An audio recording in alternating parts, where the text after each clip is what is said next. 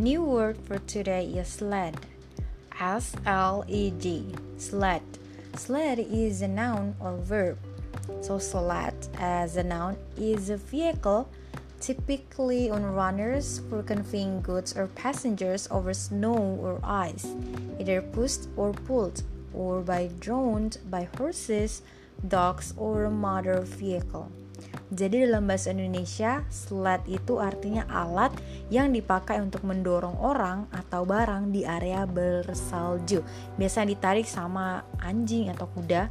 Mungkin kalau kalian pernah lihat kereta Santa Claus, nama kereta Santa Claus itu adalah sled. And if it is a verb, sled means slide downhill over the snow using the sled. Jadi kalian meluncur, meluncur menggunakan sled. Itu artinya juga sled.